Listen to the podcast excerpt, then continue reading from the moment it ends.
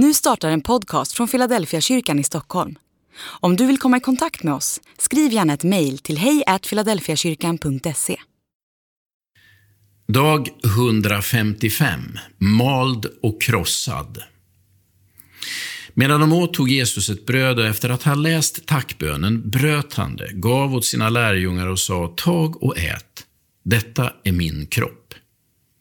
Och han tog en bägare och efter att ha tackat Gud gav han den åt dem och sa, drick av den alla. Detta är mitt blod, förbundsblodet, som blir utgjutet för många till syndernas förlåtelse. Matteus kapitel 26, vers 26-28. För att få bröd måste man mala säden till mjöl och för att få vin måste man krossa druvorna.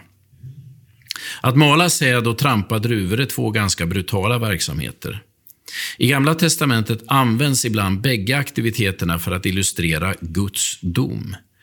Men till vardags fyller kvarnen och vinpressen sin självklara funktion att bearbeta korn och druva till mjöl och saft. Om man inte krossar sädeskornet får man inte tag i näringen. Och om inte druvan krossas får man inte tag i saften som kan bli till vin. Jesus blir både mald och krossad. Men istället för att han förlorar sin kraft och tillintetgörs inträffar precis motsatsen, just som med brödet och vinet. Det är det krossade kornet som blir till bröd och det är den, den trampade och pressade druvan som blir till starkt vin. Det finns något profetiskt i nattvardens element. Inte bara för att de pekar på Jesus och det som hände med honom.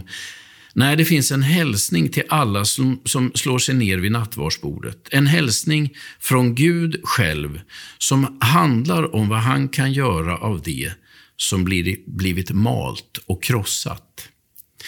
Ibland kan livet både mala och krossa oss. När allt går sönder är det lätt att tro att allt är förlorat.